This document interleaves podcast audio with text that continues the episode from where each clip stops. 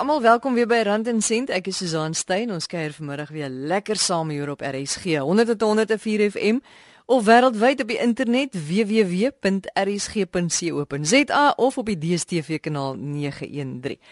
Vandag gaan ons kyk na die feit dat ons binnekort op 'n maklike manier koste sal kan vergelyk van verskillende beleggingsprodukte. Ek weet nie van julle nie, maar dit is altyd so 'n klomp huiswerk as jy of dit voel vir my so.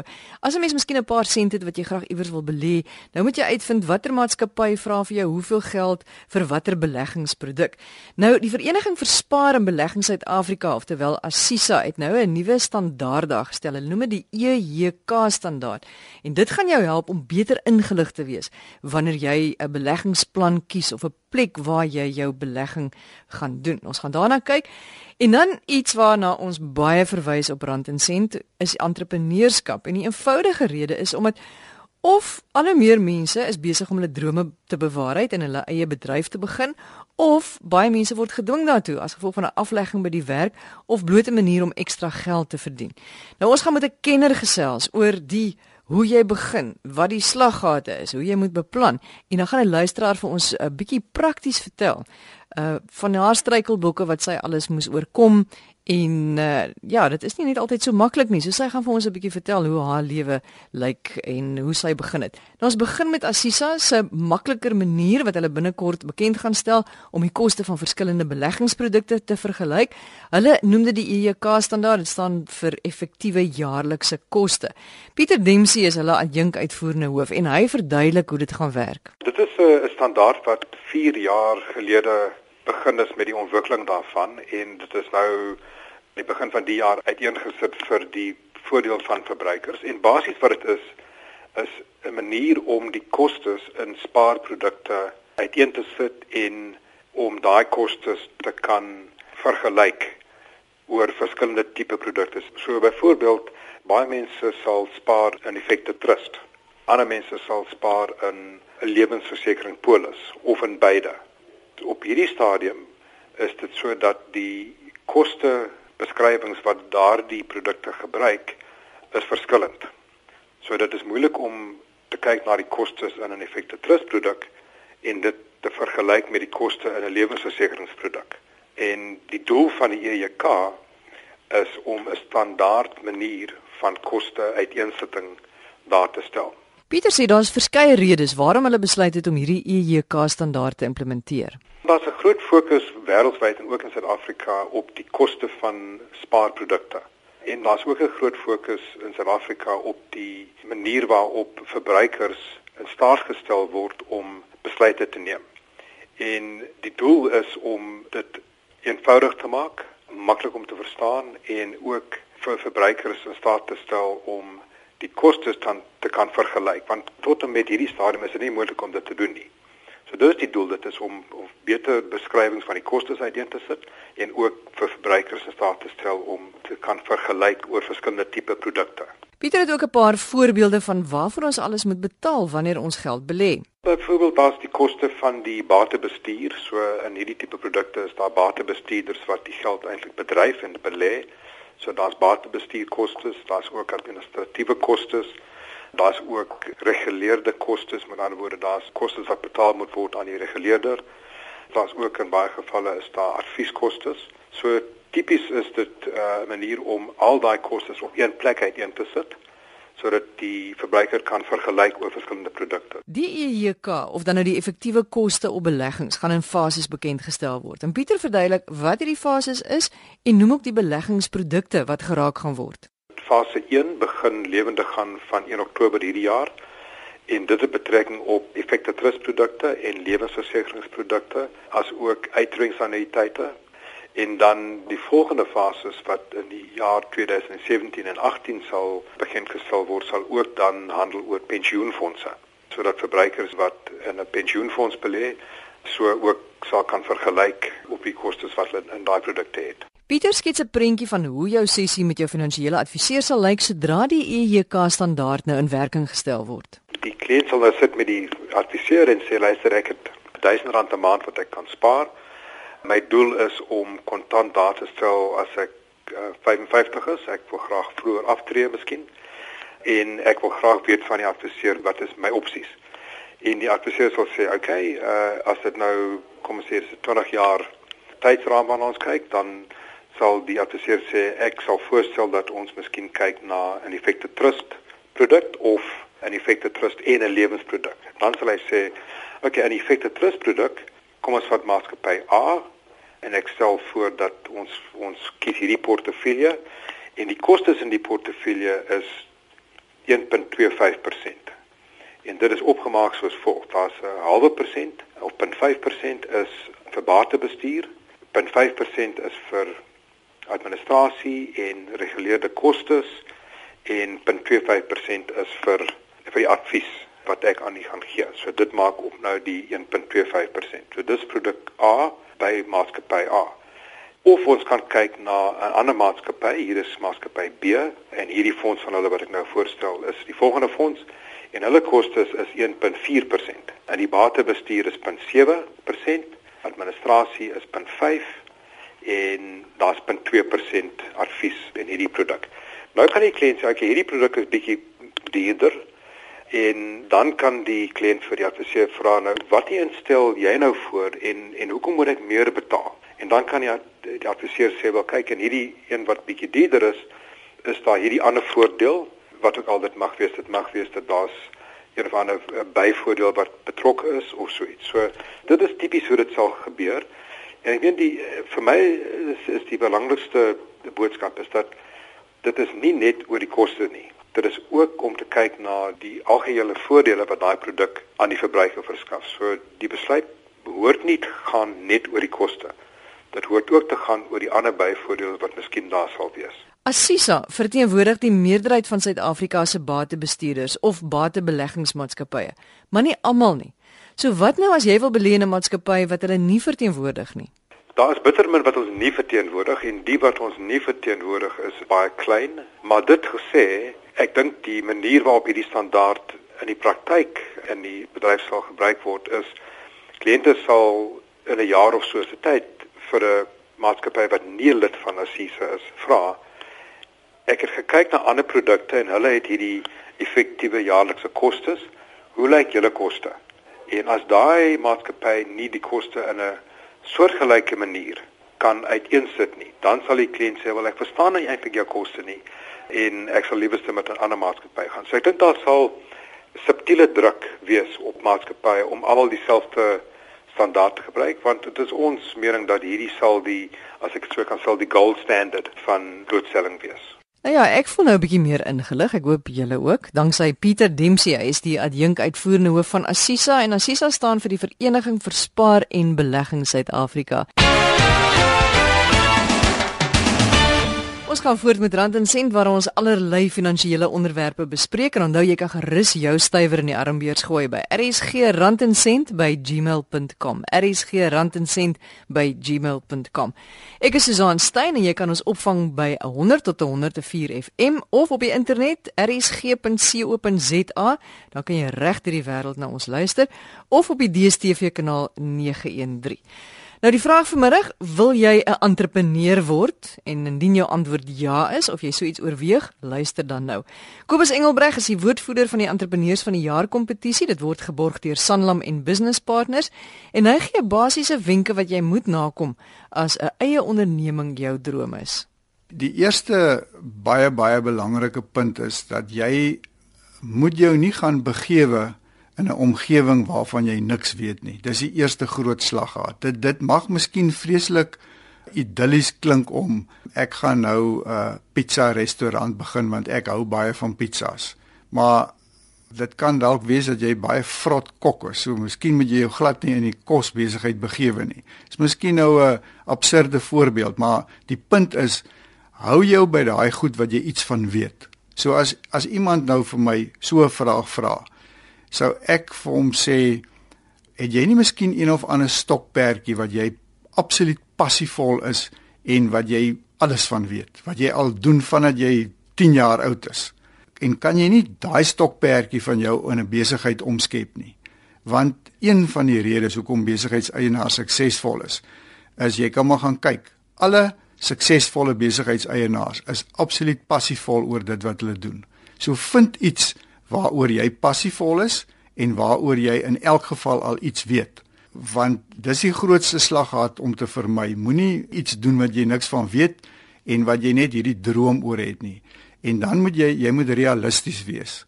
Jou stokperdjie is dalk nou seelversameling. Nou ek weet niks van seelversameling af nie, so ek gaan nou dalk baie goed sê wat baie verkeerd is, maar ek wil dit net as 'n voorbeeld gebruik.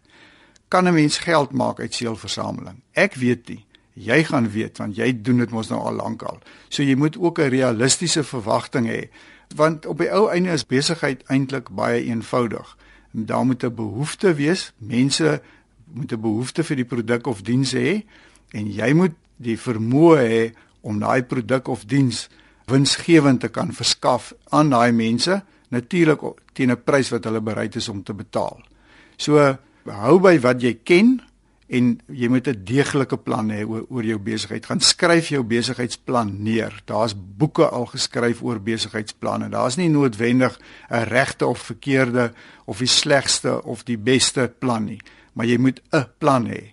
En daai plan moet jy neerskryf. Want as jy dit nie neerskryf nie, dan gaan jy nie oor die plan so goed dink soos wat jy behoort te dink oor die plan nie. En as jy finansiering gaan benodig vir jou besigheid, is die eerste ding wat daai potensiële finansierder vir jou gaan vra, is wys my jou besigheidsplan. En wie, dan moet jy ook realisties daaroor wees. Jy moet jou besigheid se syfers ken. Jy moet realistiese berekeninge en vooruitskattinge maak en daai besigheidsplan word dan eintlik jou padkaart vir die toekoms.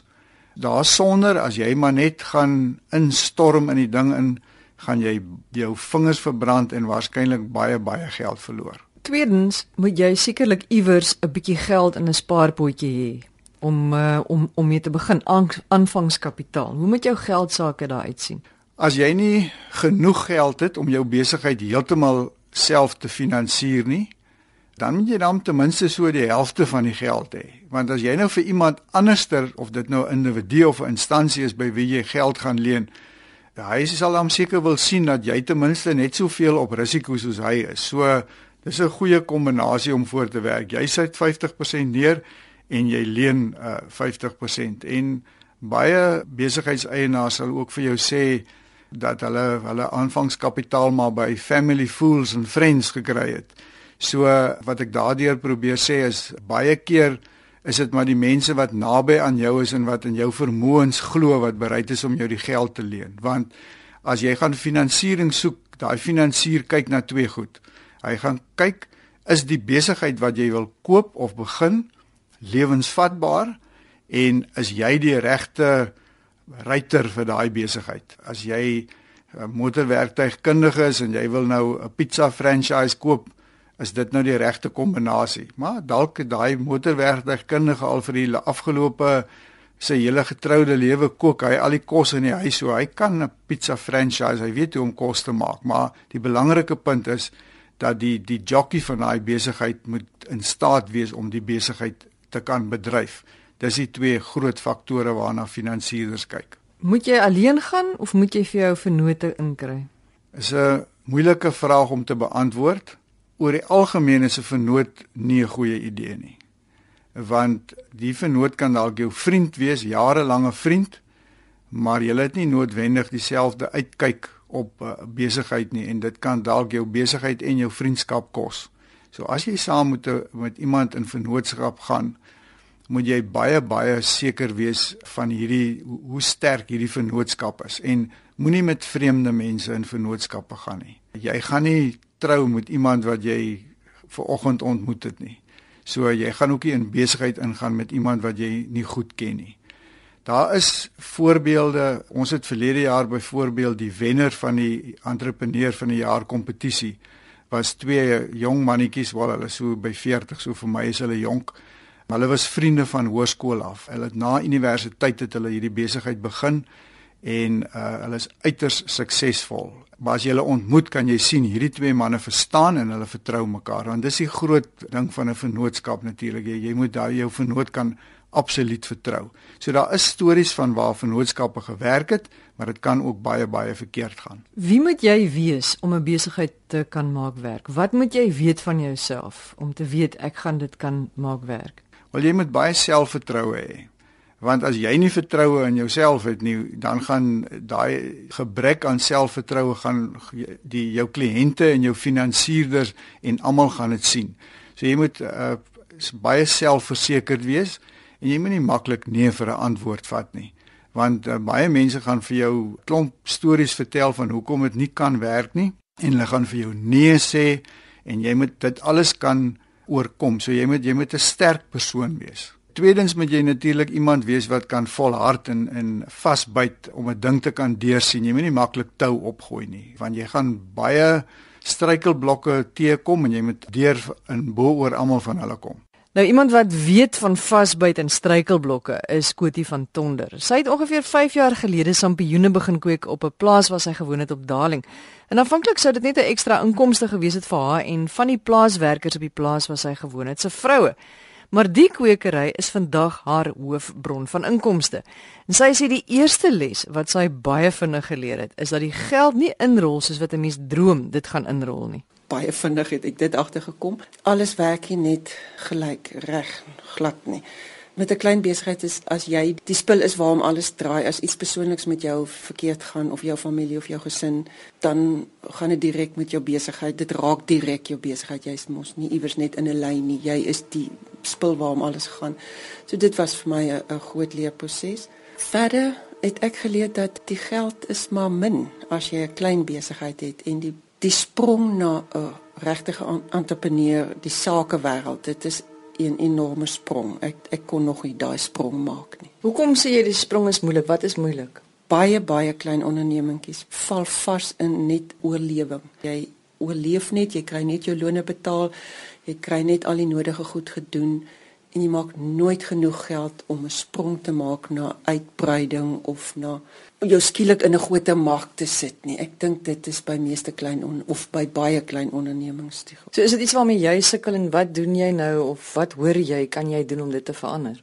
Persoonlik dink ek ek kan net nog harder werk en baie keer het 'n mens nog vir 'n baie lang tyd amper twee werke nodig omdat jou besigheid nog nie winsgewend is nie en dit put jou totaal uit. Kotie sê nog iets waarmee sy nie rekening gehou het nie, is die tegniese aspekte van haar nuwe besigheid. My waterpompe in my kraane en die takke wat lek en daai goed, die tegniese goeds vir my probleem. Ek het gedog ons kan dit vrouens alleen alles doen en dit wil nie werk. Ek ek ek is nie tegnies nie. Die vrouens wat saam met my werk is ook nie, ons het 'n man se hand daar nodig. Ons het amper 'n man nodig wat voltyds net sulke goed kan doen wat ek nie voorsien het gaan so groot probleem vir my wees nie. As jy vir mense sal raad gee wat nou dit hoor en wat wil begin, wat sê jy sê? moet in die eerste plek te hoë verwagtinge hê te vinnig nie. En daarmee sê ek dat niemand maak die sprong nie. Daar is baie baie wonderlike besighede, maar baie van ons, soos ons ek mens leer mos nou klein ondernemers ken op markte en goed. Almal sukkel maar met dieselfde goed. Ek begin klein, moenie skuld maak nie. Moet jy weet, ek het 'n banklening gaan uitneem. So begeesterd was ek wat ek spyt is ek gedoen het. Begin klein en hou net uit want mense weet later van jou en dan kan jy 'n sprong gaan terwyl as jy nou so groot met groot drome begin en jy hou nie uit nie en jy begin weer met iets anders dan begin jy later aan rondval. Ek dink dit is belangrik om uit te hou en vas te byt. Die mense moet weet jy byt vas en mense weet jy gaan daar wees. Jou produk gaan daar wees. Dan het jy al iets reg gekry. Die belangrikheid van 'n besigheidsplan voor die tyd. Waarna moet 'n mens dink as jy daai besigheidsplan opstel? Jy moet jou mark baie goed ken jy moet jou produk baie goed ken en jy moet al die slaggate negatief kyk daarna dat jy alle moontlike slaggate kan raak sien voor die tyd. Ek het nie geweet hoe min mushrooms kan daar aan 'n sak wees nie. Ek het geleer daar kan sê nou maar 2 kg per sak opbrengs is normaal en toe kom ek agter maar partykies is daar 0 opbrengs per sak nie. Ek meen ek het dit nie geweet nie. Niemand het dit vir my gesê nie. Ek het nie genoeg kennis van mushrooms gehad voor ek begin het nie. Wat is besonder vir jou daaraan om met sampioene te boer? Ek kom uit 'n boerdery agtergrond. Ek is lief vir blomme, ek is lief vir ek, ek, ek ken die gevoel van boer, iets wat groei en dit is vir my lekker. Ek kan nie in 'n kantoor sit en ek kan nie met dooie goed werk nie. So die lekkerte is die lewe. Die in in my mushrooms is baie mooi. Hulle is pink.